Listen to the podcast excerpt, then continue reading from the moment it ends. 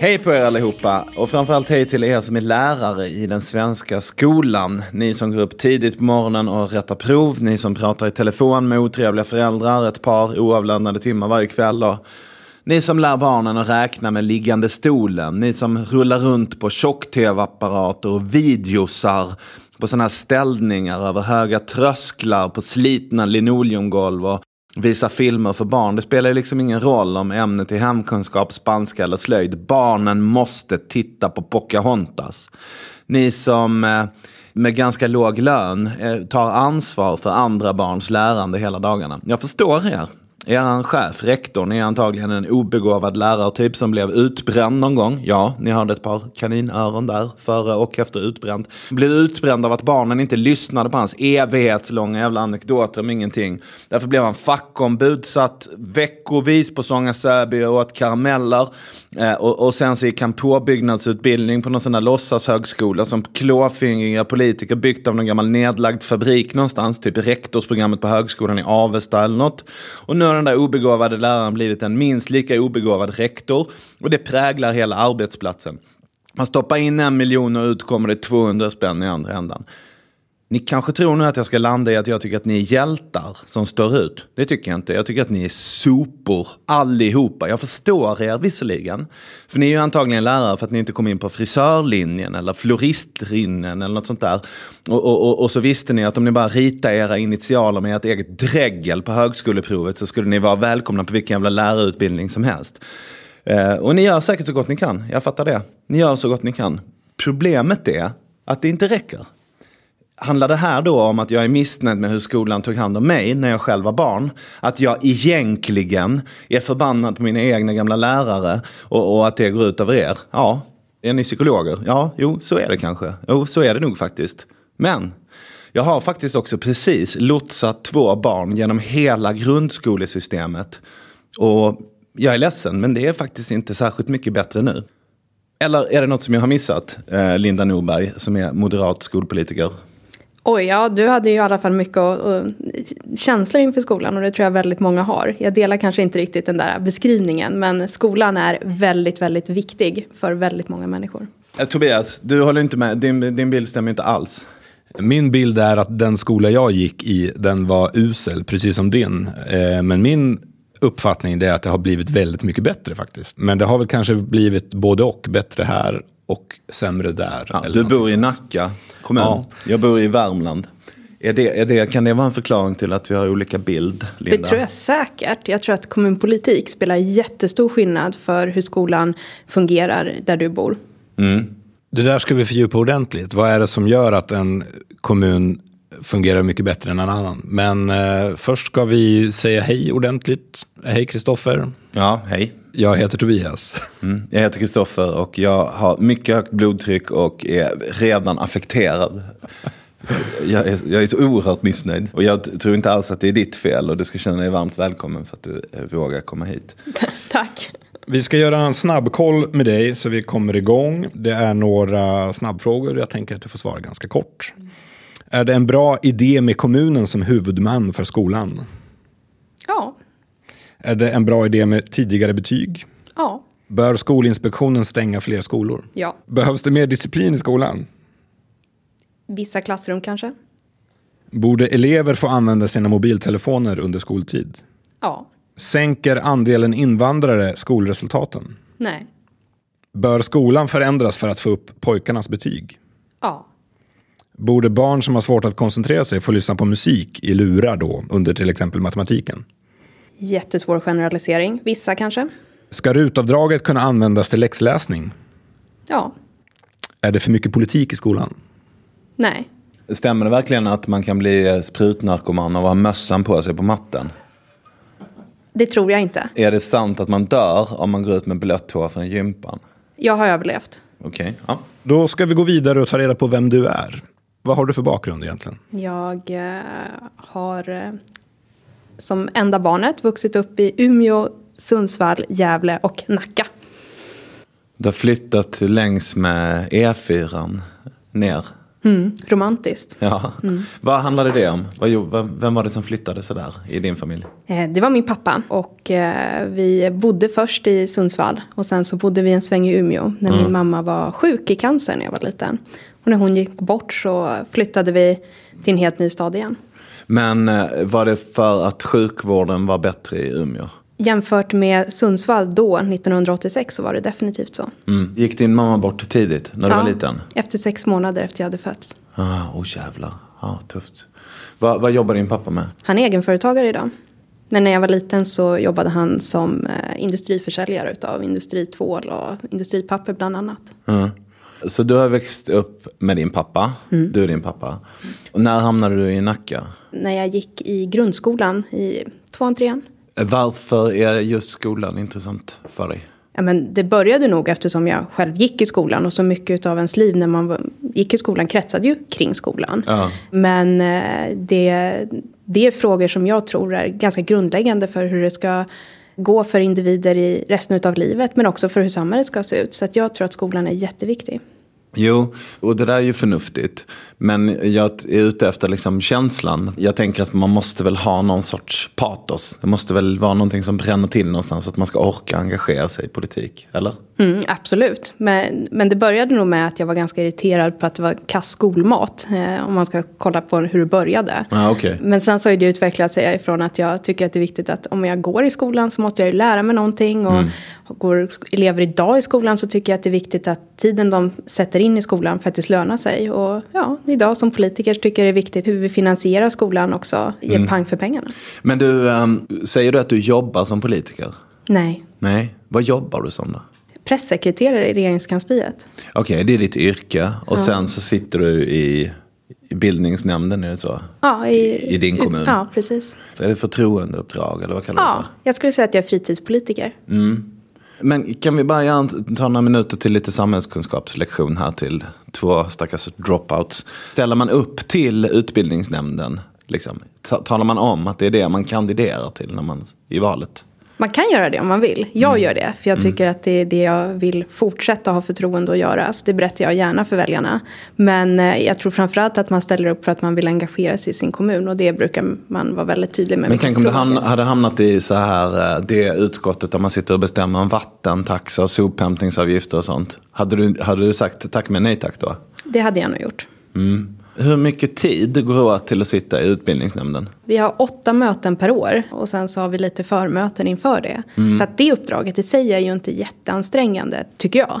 Men det är ju allt annat runt omkring. Som ordförande så har jag ju ansvar för att ha kontakt med skolor, rektorer, Skolinspektionen, Arbetsmiljöverket och ja, alla andra. Men om ni bara träffas åtta gånger per år och ni bara får en liten slant för besväret. Vad är det förresten? Hur mycket pengar får man för att sitta i utbildningsnämnden?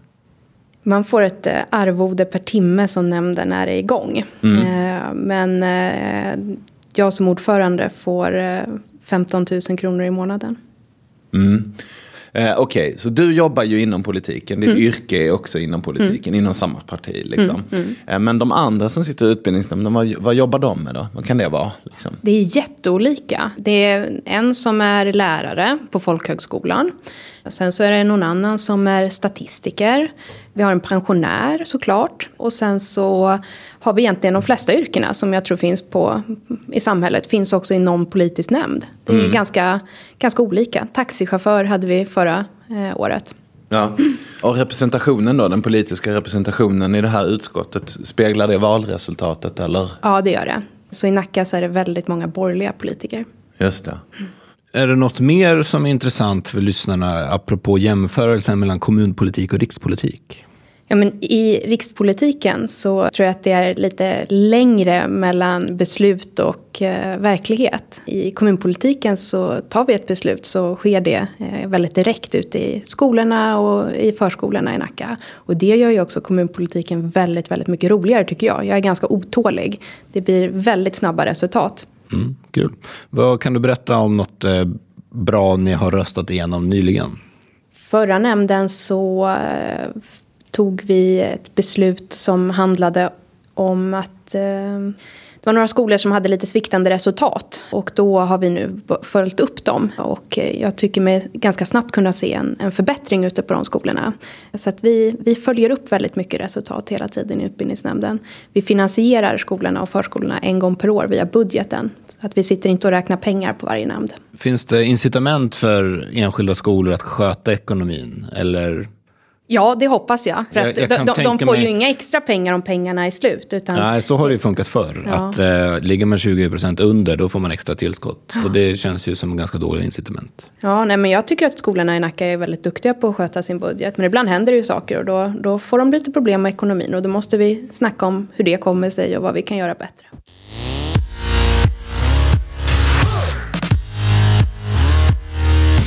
På tal om finansiering och skolor så har ju vi fixat lite finansiering eh, här till vår podcast genom att eh, gå i en eh, helig allians med Reforminstitutet. Och vi har infört ett nytt inslag. Och det är att vi pratar en minut med Stefan Fölster som får komma med ett förslag eller ett exempel på en lyckad reform. Och därför så har vi ringt upp Stefan.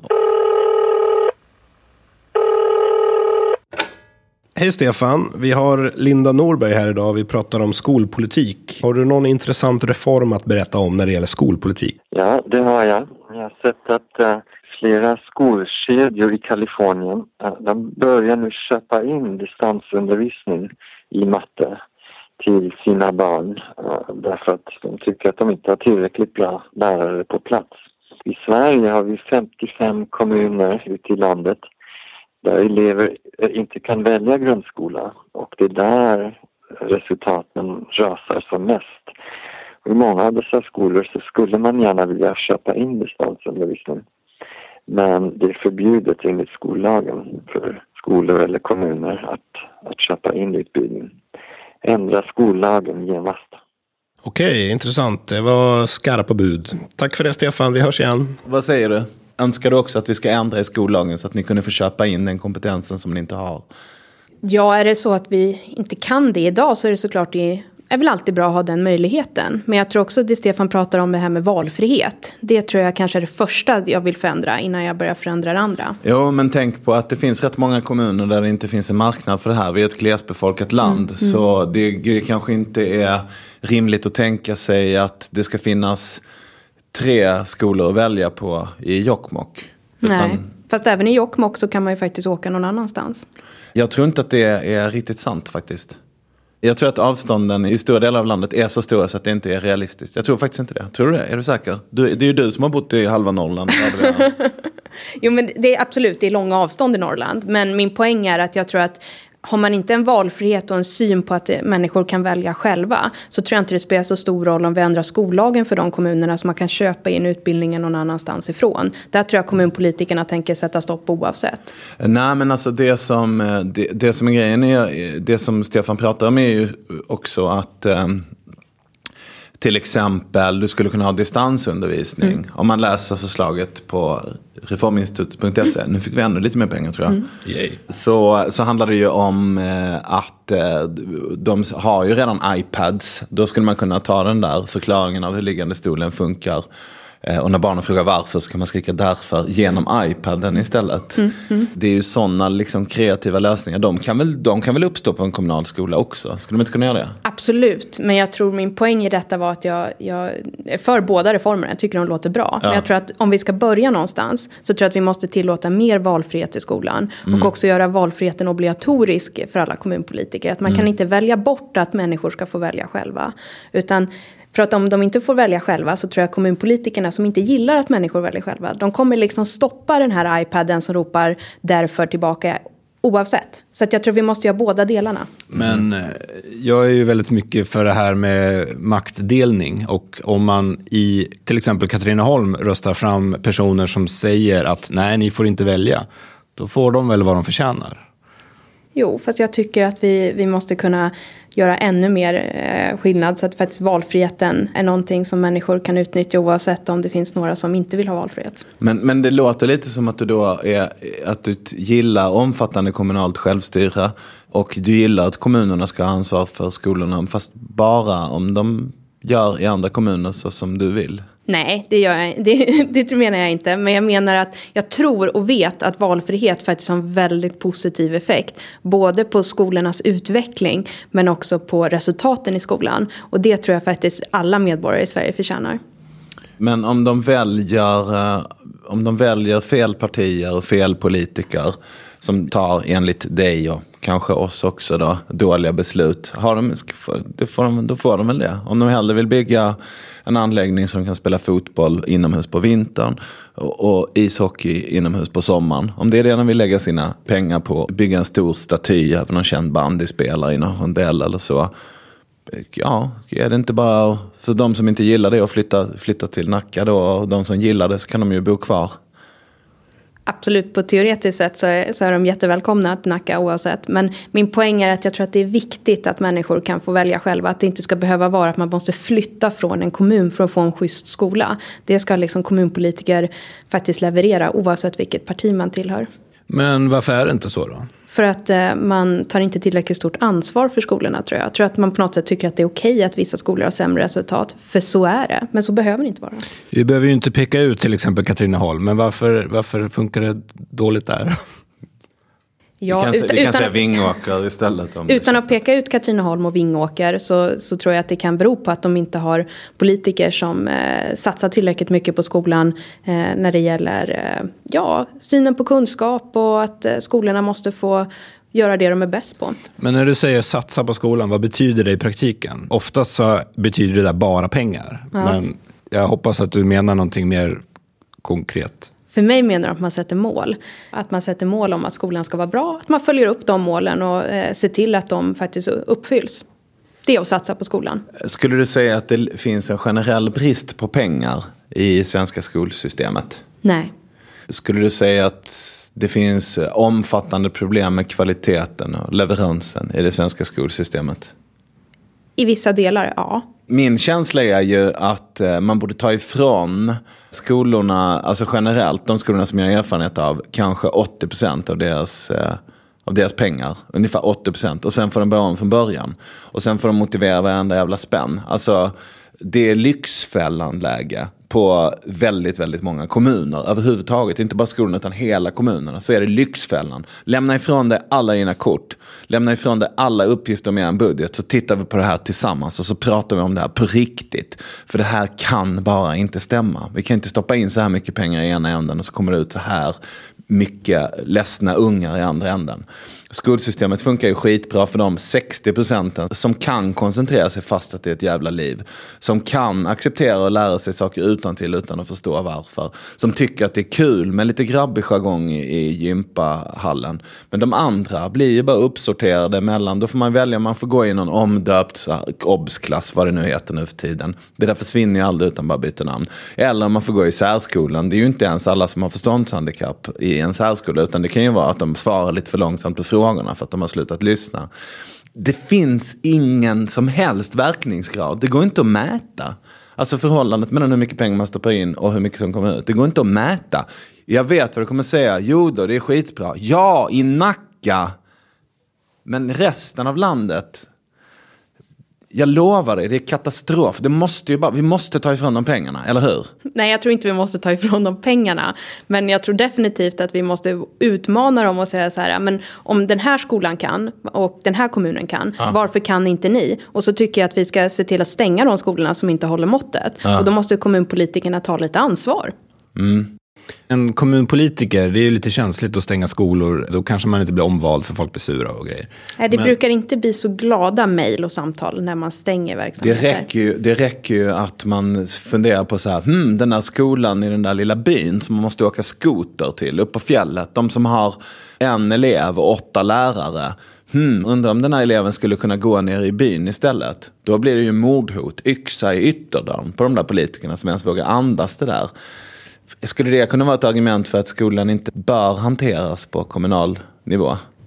Nej, jag tycker det verkar vara ett väldigt bra argument för att skolorna ska hanteras på kommunal nivå. Kommunpolitiker har ganska bra koll på hur kommunen ser ut och också ganska bra kontakt med människor som, som bor där och kan lyssna på men vad, vad, vad behöver vi nu? Behöver vi en, eh, en, en till skola eller funkar inte skolan särskilt bra? Jag tror att det ta, kommer ta ganska lång tid innan staten har plockat upp de signalerna.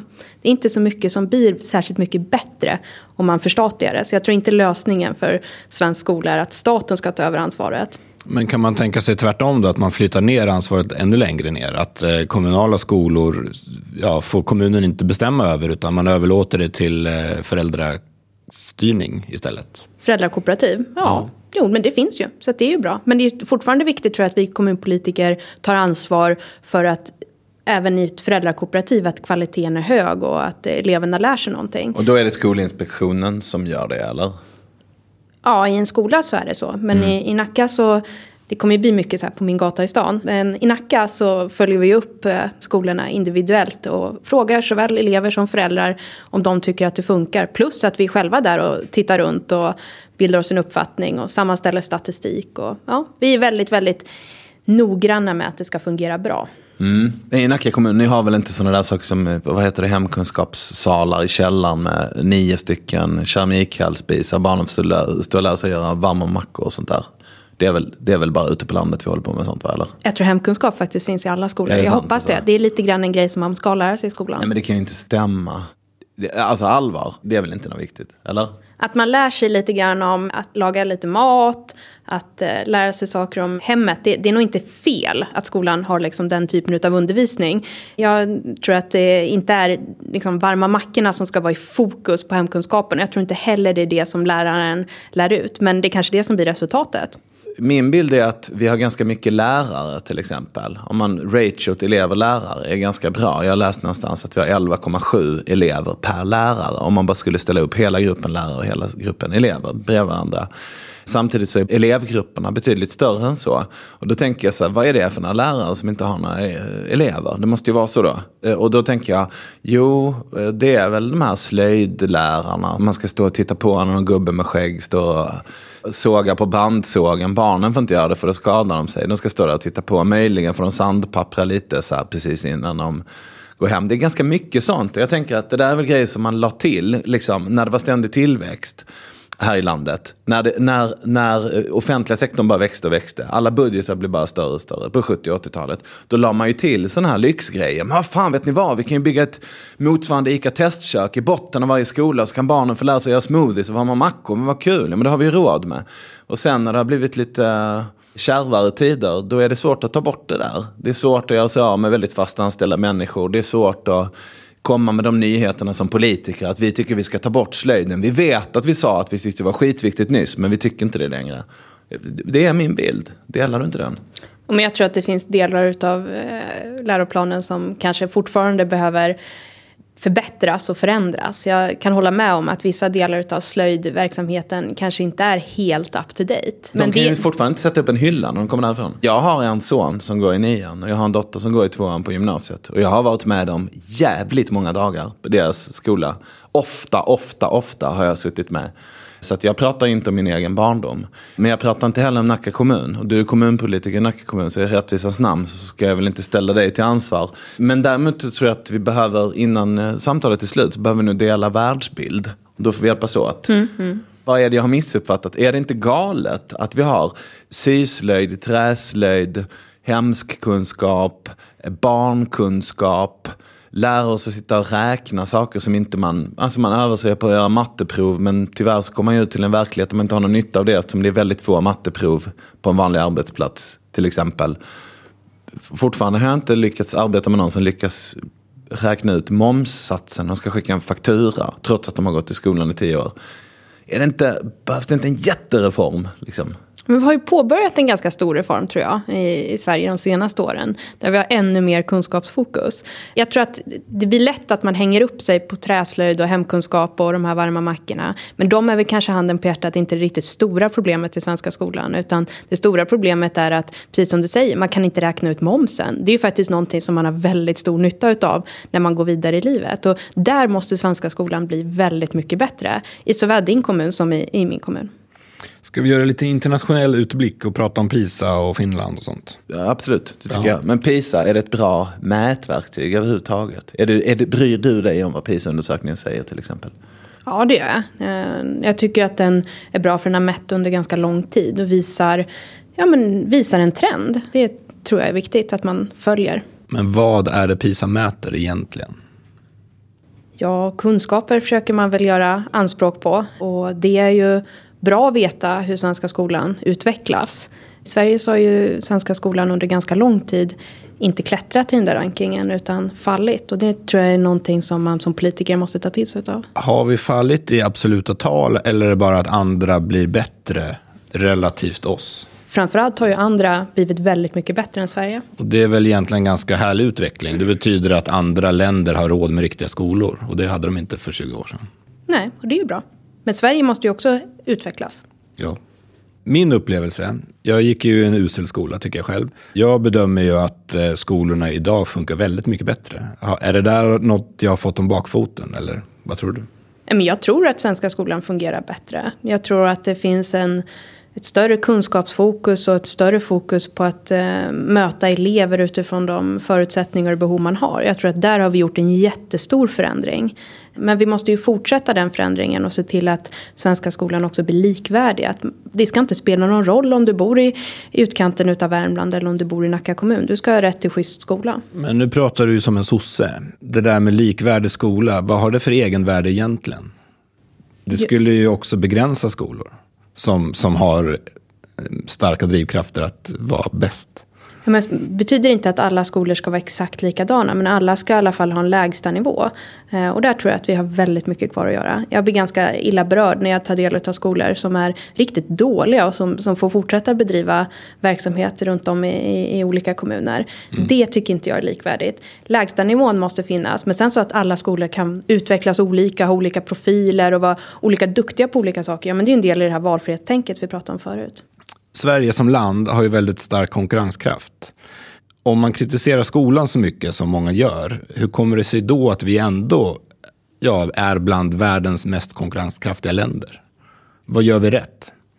Ja, framförallt så är vi väldigt duktiga på att lära eleverna i skolan att tänka själva och eh, lösa problem. Det tror jag är en del av konkurrenskraften. I, I Nacka till exempel så får vi varje år väldigt mycket besök från Sydkorea. Och många av de asiatiska länderna som för övrigt presterar fruktansvärt bra i de här PISA-undersökningarna. Men eh, när de kommer till Nacka eller till Sverige rent generellt så, så, så kliar de sig i huvudet och tänker men herregud, hur kan eleverna för det första vara så duktiga på att lösa problem, att leda varandra och, och faktiskt lära sig så mycket som de gör på den korta tiden de är i skolan jämfört med, med bland annat Sydkorea. Just skolan är ju väldigt eh, omdebatterad de senaste månaderna och eh, från höger och vänster så kommer massa ja, populistiska förslag för hur man ska lösa problemen. Bland annat så vill man skicka in mer pengar i skolorna. Och bland annat så tänker man då att klasserna ska bli mindre. Och i ett internationellt perspektiv har vi ju ganska små klasser. Och eh, jag inbillar ju mig att om du krymper klasserna så blir ju löneutrymmet för lärarna sämre. Och om det är någon utmaning vi har, då är det ju att eh, få lärarlönerna högre. Och då ska vi snarast göra klasserna större, tänker jag. Vad tror du? Ja, det finns ganska lite forskning som visar att, att eh, just klassstorleken och kunskapsinhämtningen hänger ihop. Däremot så finns det rätt mycket som visar på att satsar man på elever när de är, börjar i skolan i ganska unga år och ser till att de får uppmärksamhet och stöd och hjälp att lära sig det man ska lära sig så, så betalar det sig väldigt väl. Men så att ja, jag tycker det är bra att vi satsar på de låga åldrarna, som det som har varit de här senaste veckornas utspel. Jag tror att det är kanske lite väl mycket malltänkande och säga att en klass ska ha x antal elever. Däremot så ser ju klasserna väldigt olika ut. En klass kan ju på den här klasslistan vara 30 elever men när man arbetar i klassrummet så har man delat upp sig i grupper. Och det kanske inte riktigt eh, vare sig politiker på kommunal nivå eller nationell nivå ska sitta och proffstycka så mycket om. Det kanske vi ska överlåta åt de som, som faktiskt är i klassrummet och lär eleverna någonting. Ja, det låter högst rimligt. Det finns ju rikspolitiker som har synpunkter på kläder, mobiltelefoner och sånt där. Eh, det, det kan väl en lärare sköta på egen hand, tänker jag. Eller föräldrar och barn själva kanske. Men när man från politiskt håll säger att man vill ha mindre klasser, är det, är det inte bara populistiskt? Nej, men jag tror att man sätter fingret på någonting som väldigt många har upplevelser och tankar och erfarenheter om. Det är ju när man gör när opinionsundersökningar faktiskt en fråga som man bryr sig allra mest om. Det är det man helst vill att politiker ska satsa på, mindre klasser. Eh, men alltså jag, i min, jag tänker så här, om min bil mm. går sönder så den inte går att köra med. Då tänker inte jag så här, vi måste ha fler bilar. Utan jag tänker vi måste se till att laga den här bilen mm. så vi kan använda den. Men i mina barns skola så säger de vi måste ha fler eh, lärare. Och då säger jag, ja, jag resonerar nog likadant som med bilen. Ni måste lösa problemet, inte ösa på med mer. Min dotter gick till exempel i en klass med ganska rimligt många elever. Men flera av dem hade jättemycket speciella behov. Mm. Alltså verkligen jätte, jätte, jätte svåra diagnoser som kräver hur mycket resurser som helst. Och om de på pappret är 16 stycken i den gruppen, om fyra stycken egentligen skulle behöva varsin assistent så är ju det ohållbart i alla fall. Så jag tycker det där måttet verkar helt, eh, helt ointressant. Men det här tänket att man kan bunta ihop unga och tro att allting funkar för alla. Att, man ska liksom, att alla klarar av samma saker. Det, det, tycker jag verkar vara helt galet. Det håller jag med dig om. Det är just därför jag tror det är så otroligt viktigt att vi politiker lämnar den där typen av avvägningar till, till skolan själva. Att är det en klass med, med 30 stycken elever där det inte finns så många särskilda behov, ja då kanske det går ganska bra. Mm. Men finns det en klass där det finns väldigt mycket särskilda behov, då kanske man bara måste vara fem eller tio. Men det är just därför jag tror att det är viktigt att vi satsar på att lägga resurser i de tidiga åren så att elever kan lära sig så mycket som möjligt från början och man ser vilka särskilda behov som finns. Mm. Och sen så låter vi lärare och rektorer bestämma hur stora klasserna ska vara. Men det är såklart att de ska vara så små som möjligt så att alla elever kan lära sig så mycket som möjligt. Men det finns ju ingen universell formel för det tror jag. Nej, och det är väl just det som gör att det kan kosta ganska olika på olika ställen och olika kommuner. Jag mm. menar, det är väl inget att sticka under stolen med att ni två som är i Nacka kommun båda två är i liksom den socioekonomiska gräddan. Om man tar en kommun med, som har andra stora utmaningar och lite dålig budget sådär.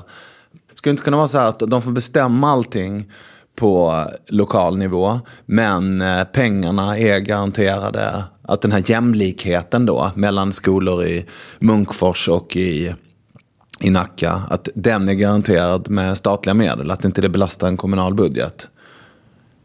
Men jag tror, jag tror inte det. Jag tror att det är bättre att vi finansierar skolan i kommunen och också ta ansvar för den i kommunen. Men jag tror framförallt att vi ska hitta ett sätt som vi bland annat gör i Nacka där vi finansierar varje individ. Att det inte är så att skolan får liksom en säck med pengar och så här många elever utan man får faktiskt betalt för de eleverna som går där.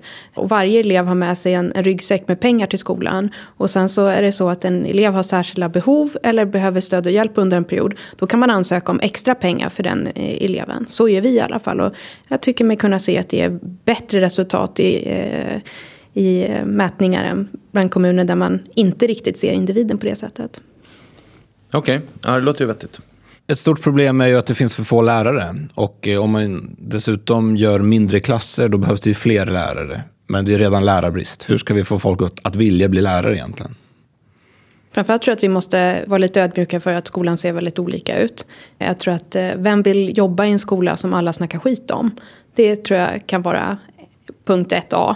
Men sen så också så måste det ju löna sig att utbilda sig till lärare. Man måste ju få bra betalt för att man gör en väldigt bra insats. Därför har Nacka i alla fall de löneledande lärarlönerna i landet. Vem är det som sätter lönerna egentligen? Det gör ju rektorerna och arbetsgivarna. Men de har instruktioner från er att styra pengar till löner snarare än whiteboards med smarta funktioner? De har instruktioner från oss att de ska ha en individuell lönesättning. Är du en bra lärare ska du ha bra betalt. Hur vet man om en lärare är bra? När jag gick i skolan så var det, rektorn var aldrig med i mitt klassrum under hela, hela min skoltid. Och rektorsrollen har förändrats väldigt mycket. Idag är rektorn ytterst ansvarig för den pedagogiska verksamheten och verksamheten som bedrivs i en skola. Man är inte bara den som eh, snackar på skolavslutningen och eh, delar ut diplom. Utan eh, han eller hon har ett väldigt stort ansvar för även verksamheten i klassrummet idag. Mm. Min förutfattade mening är att man får ju nästan passa sig så att man inte blir lärare. Eh, dels så är det inga intagningspoäng på utbildningarna som jag kan ha nämnt här inledningsvis. Och sen så jobbar det en massa människor som inte är behöriga. Från vad jag har hört så kan typ en Sankt Bernhardshund bli hemkunskapslärare. Liksom, om man inte passar sig. Om man går för nära skolan på sin promenad. Jag tänker att, är det verkligen lönerna? Alltså jag skulle gärna vilja vara lärare. Jag skulle tycka att det var jävligt kul att vara lärare. Men jag tänker att då skulle det verkligen få vara en skola där jag bestämde själv. Liksom. För det där, att ge sig in i sådär dåligt organiserad verksamhet, det, det är fan slöseri med talang känner jag. Tror du inte det är där skon klämmer för många ändå? Lönen är nog en liten del. Jag tror också att, precis som du var inne på, att det är viktigt att lärare får, får möjlighet att vara lärarna i klassrummet. Att man inte behöver också eh, sköta eh, ohemult mycket administration och mm. eh, vara extra förälder och så vidare. Utan mm. det, det, är viktigt att lärarna får vara lärare. Och där mm. tror jag att politiker och rektorer har ett stort ansvar att förbättra den situationen. Mm, Okej, okay. ja men det låter väl rimligt. Men du, vad heter det, hur många andra nämnder finns det i, Nacka kommun? Du sitter i utbildningsnämnden, men vilka andra nämnder finns det? Jag gissar att det finns trafiknämnden. Och... Ja, det finns det. Eh, och sen så finns det socialnämnden, miljö mm. och stadsbyggnadsnämnden, mm. kommunstyrelsen, fritidsnämnden, kulturnämnden. Det är ganska mycket nämnder. Bråkar ni om pengar med varandra? Alltså jag har ju 60 procent av kommunens totala budget i utbildningsnämnden. Mm. 2,4 miljarder kronor. Mm. Så att absolut, det finns de som är sugna på mina pengar om man får uttrycka sig så. Men du Men... vill inte upp till 65 procent? Jag antar att man inte pratar om procent. Jag antar att Nej. det är kronor och ören du är intresserad av. Ja, och framförallt så vill jag ju se att Eh, de pengarna vi stoppar in ger bra resultat. Och jag tror inte att den största utmaningen i Nacka är att våra skolor behöver mer pengar. Utan vi måste våga utveckla vår kvalitet i skolan ännu mer. I början av samtalet så använder du eh, bang per buck, nej men pang för pengarna. Mm. Hur mäter du pang för pengarna? Jag mäter det i Nacka i alla fall genom att se om eleverna når målen i skolan. Mm. Eh, jag mäter genom att eh, jämföra eh, mot kursmål och betyg. Jag mäter också genom att kolla om eleverna när de själva får svara på frågor upplever att de har studiero, om de upplever att de har inflytande över sin skolgång. Också frågar vi lärarna hur deras syn är och också föräldrarna. Vi frågar liksom 360 grader om upplevelsen i skolan men också tittar på resultaten. Mm. Och där tror tror jag att Nacka är bra, men vi behöver bli ännu bättre. Men framförallt så finns det ju ganska många kommuner som behöver höja lägstanivån. Tror du att du skulle kunna göra ett bra jobb om du satt i utbildningsnämnden i Botkyrka till exempel? Om jag hade möjlighet att eh, få driva igenom det som eh, jag tror är viktigt som kommunpolitiker, absolut. Men inte utifrån hur Botkyrkas eh, valresultat ser ut idag för till exempel en moderat. Nej, nej, det är såklart. Men jag menar om du hade liksom handlingsfrihet. Absolut. För jag vet inte, resultaten handlar inte jävligt mycket också om hur många som pratar svenska, hur många som har föräldrar som pratar svenska, hur många som har föräldrar som har gått i svensk skola och så. Hänger inte resultaten mycket ihop med det också? Jo, men det är såklart att det spelar roll vilket stöd du kan ha hemifrån. Men det finns ju också olika sätt att mäta det där på som visar om skolan och resultaten när man rensar bort den typen av faktorer, om de är bra eller inte. Och där tror jag att förväntningarna faktiskt måste vara högre på eleverna att man ska kunna nå resultat. För det är ju inte okej att bara för att dina föräldrar är födda i ett annat land att du inte ska kunna lyckas i skolan. Där tycker jag skolans uppdrag är viktigare och större än så. Jag hörde om eh, Upplands Väsby. De låg i princip sist i kommunrankingen, men de eh, jobbade väldigt ambitiöst med skolan och kom upp tiotals placeringar på bara några månader. Mm. Det tycker jag bevisar att det är inte raket forskning att förbättra sin skola. I alla fall inte för de som ligger på nedre halvan av rankingen, tänker jag. Nej, verkligen inte. Det tror jag inte. Utan jag tror att de, precis som Upplands Väsby och andra kommuner, om man bara bestämmer sig och fokuserar på uppgiften så är det såklart att alla kan lyckas med den. Jag vet ja. också att Uppland Väsby rekryterar ganska mycket rektorer från, från Nacka. Duktiga skolledare som de eh, köpte över helt enkelt. Och det tror jag var en, en av deras framgångsfaktorer i det lilla. Om tio år, då är du skolminister. Vad är dina utmaningar då? Då tror jag fortfarande att kunskapsuppdraget är det absolut viktigaste.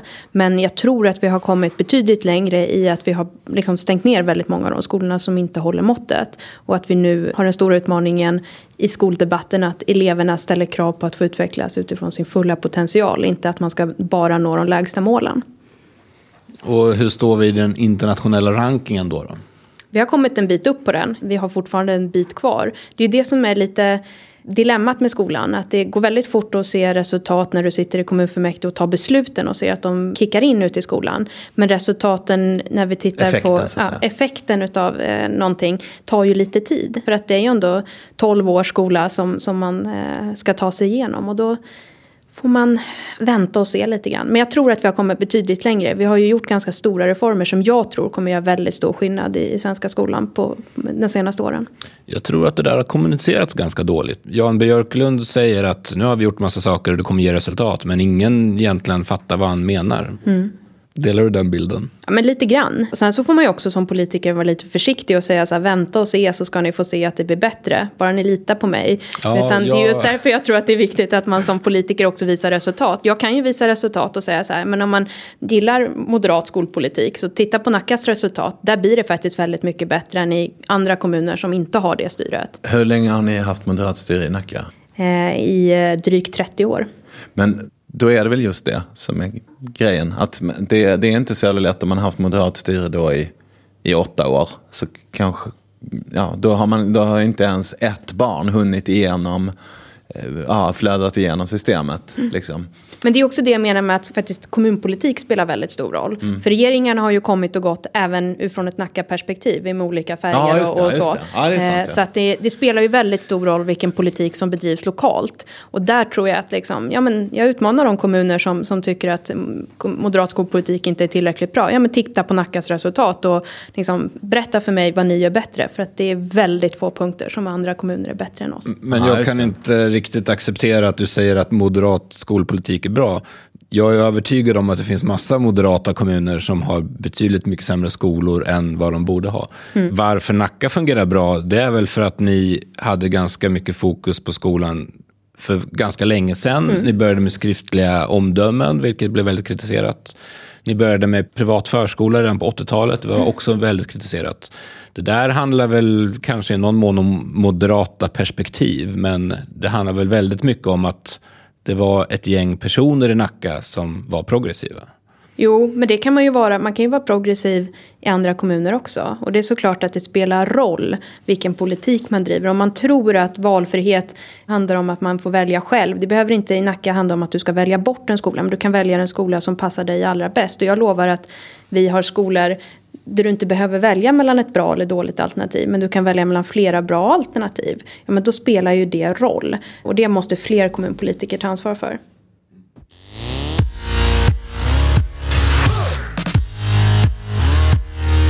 Om du träffar en medborgare i Nacka kommun, nu börjar det närma sig valet och du ska liksom lägga in en liten, dela ut din flyer eller vad man ska säga sådär.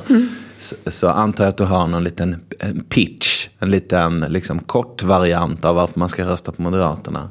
Om du vill kan du få öva den på Åh. mig och Tobias Åh, eh, nu. Du får en minut på dig och den börjar nu. Ja, men jag skulle fråga vad, vad personen i fråga tycker om skolan. Och så skulle jag säga att det där tycker jag också är viktiga saker att skolan behöver bli bättre på. För vi kanske säger att det handlar om klasserna eller kunskapen eller att det är stökigt eller någonting sånt. Och då måste vi ha ett samtal om hur de problemen kan bli bättre utifrån eh, personens perspektiv. Och där tror jag att mo- moderat politik genom att låta lärare vara lärare och kunskapen vara i fokus kommer vara vägen till att eh, vinna människors förtroende. Så därför ska man rösta på just dig. Ja, Det är intressant när jag tänker på alla hisspitchar som vi har hört eh, under alla de här avsnitten. Det är väldigt få som börjar med att fråga vad tycker du om skolan. Det tycker jag är ett intressant nytt perspektiv. Det är ju ganska självklart egentligen att man börjar med att fråga vad tycker du är viktigt. Så att, eh, det får du lite guldstjärna i kanten för tycker jag.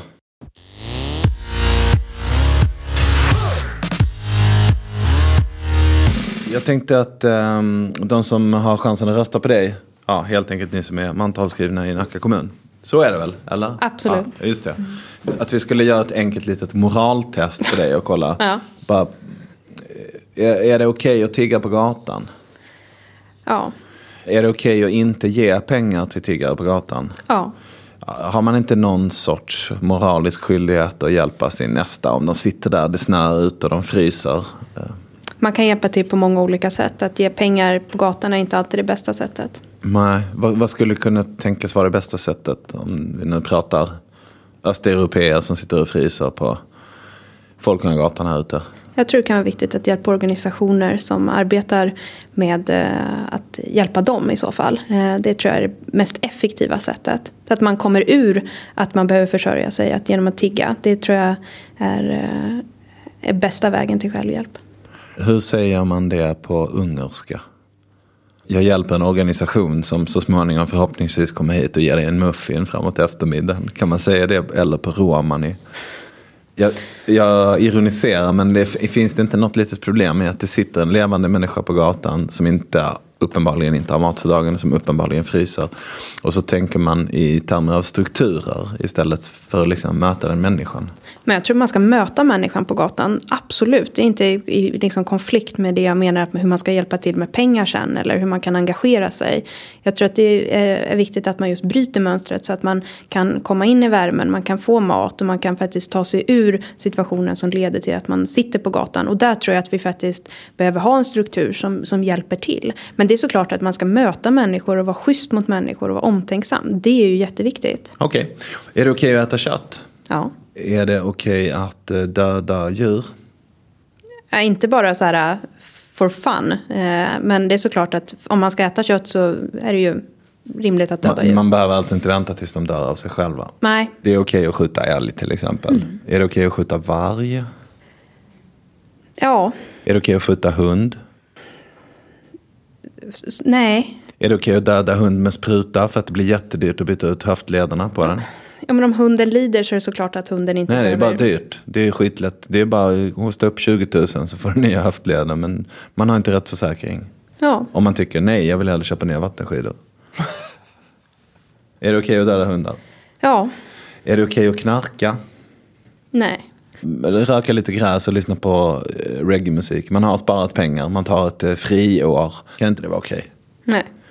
Eh, är det för att det är olagligt? Är det det? Mm. Men skulle det kunna, om det var lagligt, skulle det vara okej då? Men nu är det inte lagligt. Är det okej att jobba svart? Nej. Aldrig? Nej. Skulle det inte kunna vara, om, man, om jag tänker att du är moderat, så tänker jag att du tycker att man ska ta stort individuellt ansvar för sitt eget liv. Kan det inte ibland vara det mest ansvarsfulla? Att eh, hellre jobba svart och faktiskt försörja sig själv. Alltså där stelbenta system sätter krokben och gör att man har svårt att komma in på arbetsmarknaden. Så kanske det finns en arbetsmarknad light, det vill säga hjälpa till svart. Kan det inte vara okej okay då? Nej. Jag hörde om ett exempel, det var en kille som har en kebabrestaurang. Han säger till 15-åringar att du springer iväg och köper lite tomater och isbergssallad. Och så får de mat när de kommer tillbaka. Det där är ju någon form av svartarbete. Är det fuffens? Jag är inte ens säker på att det där är svartarbete. Den, man kan ju faktiskt eh, hjälpa till och, och, få tack för hjälpen. Men eh, sätter du det i system och du inte har försäkringar och betalar skatt och så, så nej, jag tycker inte svartarbete är rätt väg. Kan det vara okej att gömma flyktingar? Jag tror inte att det är att hjälpa människor att gömma dem undan beslut som har fattats. Jag ska säga vad jag tror. Mm. Jag tror att Migrationsverket är lika jävla stora sopor som Arbetsförmedlingen och alla andra statliga myndigheter. Det är en stor jävla pyramid av byråkrati. Det är säkert massor med välmenande människor. Och det finns säkert massor med handläggare som gör ett bra jobb och som verkligen följer lagen. Men det är inte så jäkla lätt. Det är verkligen individuella prövningar. Och jag tror också, min bild är också att det bedöms ibland, man utfärdar ett första besked ganska snabbt. Man gör ett snabbt avslag till exempel och sen så finns det omfattande möjligheter att få sitt fall prövat igen. Men i praktiken kan det innebära till exempel att en rom kan bli tillbakaskickad till Serbien och så har de i och för sig laglig rätt att få sitt fall prövat igen. Men i praktiken, de kan inte sälja alla sina grejer en gång till för att komma hit. Och då tror jag att det kan finnas fall då människor bedömer att Nej, men den här barnfamiljen har fan inte en chans. Och då får de i sådana fall bo i vår sommarstuga. Jag bor hellre i ett land där människor tar egna sådana beslut än i ett land där man säger nej, står det i lagen så står det i lagen, så är det. Men jag tror inte, jag tror inte det behöver vara fullt så digitalt. För jag tror att, att gömma sin sommarstuga i en barnfamilj, det tror jag kan vara en fruktansvärt jobbig situation. Och det är en fruktansvärt jobbig situation om du inte kan liksom komma ut i samhället och bygga ett långsiktigt liv. Då är ju det också ett sätt att leva utanför samhället. Och det är därför jag menar att det är såklart att det eh, liksom, för vissa kan vara rätt och riktigt att gömma flyktingar. Och det liksom, måste ju de kunna göra i så fall. Men jag tror inte att det är att hjälpa människor i det långa loppet till ett bättre liv. Eh, det, det, tror jag inte. Om man tror att det här räddar livet på dem, då är ju det ett lyxproblem att man mm. lever utanför samhället. Så det är klart att man hellre lever utanför samhället än att inte leva alls. Mm. Alltså, Jo, men det, det, och det håller jag ju med om. Ja. Eh, men samtidigt så tror jag också efter att ha, ha liksom jobbat så mycket med migrationsfrågor att det är inte slumpen som avgör huruvida du får stanna i Sverige eller inte. Utan det är mm. skyddsskälen. Sen så är det viktigt att liksom Migrationsverket gör rätt bedömningar och ibland så gör de fel bedömningar och då måste det överprövas och förändras. Men det är inte slumpen som avgör. Så ser det inte ut och det är inte liksom den bild jag har.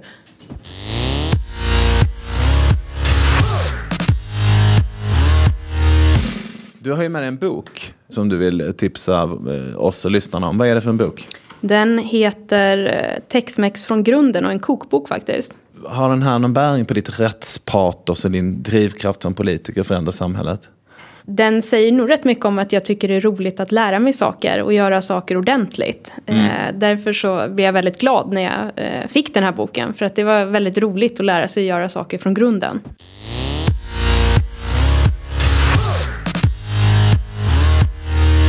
Du ska ju få en liten penninggåva också. Det är ett porträtt av eh, Carl von Linné.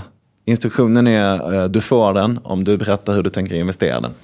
Så fall skulle jag investera den i något av de UF-företag som eh, finns på, på Young Business Creatives, en, en gymnasieskola i Nacka. Yes, men en UF-företagare. Bra. Tack för ditt svar och tack så mycket för din tid och stort lycka till i valet. Tack. I wanna dance like an earthquake was shaking me. I'm gonna sing like my heroes were with me. Yeah. I built an army made of clouds and smiles to fight for you. I'm gonna